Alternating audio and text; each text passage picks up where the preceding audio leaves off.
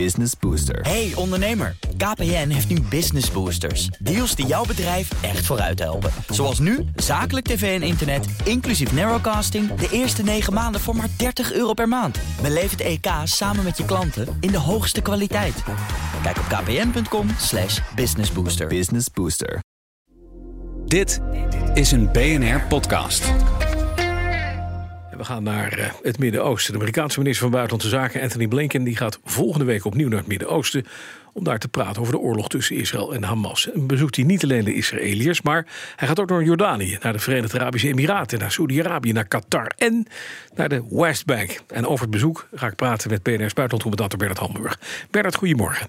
Goedemorgen, Bas. Ja, volgende week dus opnieuw het bezoek van Blinken. Het is een vierde aan het Midden-Oosten sinds het conflict op 7 oktober uitbrak. Hoe, hoe bijzonder of hoe belangrijk zijn die bezoeken van Nou, Blinken? ja, dat is wel belangrijk hoor, want hij, hij heeft weer een lijstje bij zich. En dat, daar staan een paar dingen op die echt van belang zijn. Eén, ehm, de Amerikanen, ook de Amerikanen beginnen ehm, steeds meer te zoeken naar een einde aan deze eh, oorlog. En de druk op de Amerikanen om dat te doen wordt ook groter. Eh, niet alleen internationaal, maar ehm, ook in het binnenland. Hè. De- Biden staat onder enorme druk van, de, van de, de linkervleugel van zijn eigen democratische partij. Maar ook van de jongere stemmers bijvoorbeeld, de jongere kiezers die zeggen we, we, we zitten op het verkeerde pad. Dus daar moeten we af. Dat is één ding.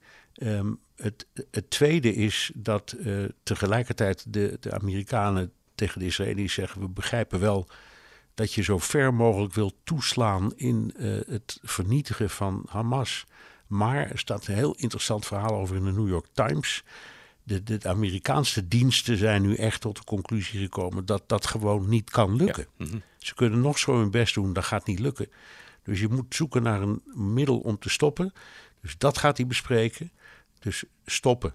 En dan wanneer en hoe en onder welke omstandigheden. Wat kunnen wij dan nog voor jullie betekenen? Daar komt het op neer.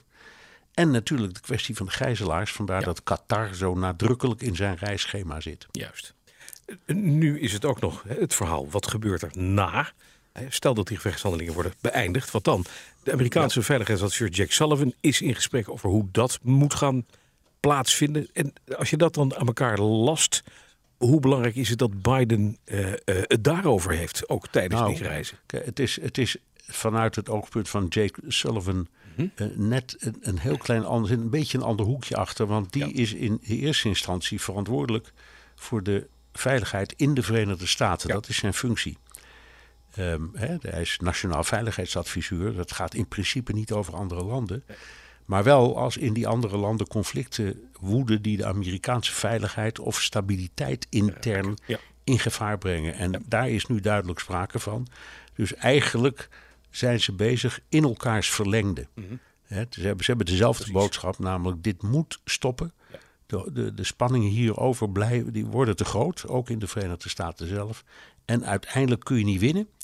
Dus je moet het op de een of andere manier zien eh, uit te onderhandelen in onderhandelingen. Daar gaan we alles aan doen. Daar spannen wij Amerikanen ons ook voor in. Eh, dus eigenlijk zijn het zijn parallele missies met ongeveer dezelfde boodschap. Het is belangrijk voor Israël dat die gesprekken doorgaan. Houden ze daarbij dan eventuele materiaaltekort in het achterhoofd? Ja, zeker. Want dat speelt natuurlijk ook. hè. Een van de grote enigma's in dit verhaal is... hoe, hoe kan het toch dat Israël van die enorme hoeveelheden wapens heeft? Nou, Ja. dat blijkt. Geweldig verhaal over in The Guardian.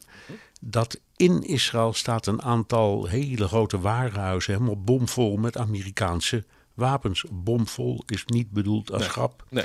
En ehm, die- daar, staat voor miljarden aan mat- materieel. Die hebben de Amerikanen in andere plaatsen in de wereld ook. Dus het is voor het geval ze zelf eh, munitie nodig hebben als ze ergens in conflict zijn.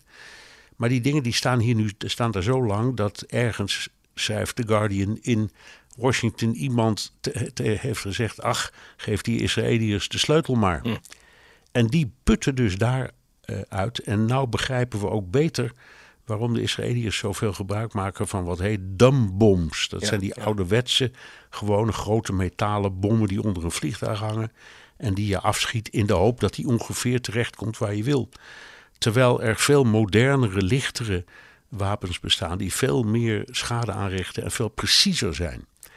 Ehm, en een van de klachten die je aan alle kanten hoort is... waarom gebruiken die Israëliërs toch zoveel van die dumbbombs... terwijl ze echt beter hebben en weten? Ja. Nou, hier is het antwoord. Daar liggen die, die, die, die pakhuizen namelijk helemaal, vol mee. Ja. Even nog een ander onderwerp, eh, Bernard. Want uh, uh, onze demissionaire minister van Financiën, Kaag, neemt de positie in als VN-coördinator voor Gaza, hè, voor de humanitaire hulp vanaf 8 januari. Uh, is, dat, is dat iets waar de Amerikanen op staan te wachten? Sterker nog, ze krijgt in het Witte Huis een soort staande ovatie. Ze wordt echt met open armen binnengehaald. Um, en ze, ze denken dat ze hebben natuurlijk ervaring ook uit, uit de hele Syrië-affaire. Toen ze ook in het Midden-Oosten was om die afschuwelijke toestand van chemische wapens op te lossen. En daar heeft ze heel veel goedwil mee gekregen in de Verenigde Staten. En ze hopen dus dat ze in haar nieuwe missie dat trucje weer kan laten zien. Ja. En in elk geval, um, ja, ze verlaat de Nederlandse politiek, ik zal maar zeggen, een beetje in de schemer. Maar ze wordt in, uh, in, de volle, ja, in het volle licht en, en uh, ja, met respect uh, binnengehaald. ja, binnengehaald.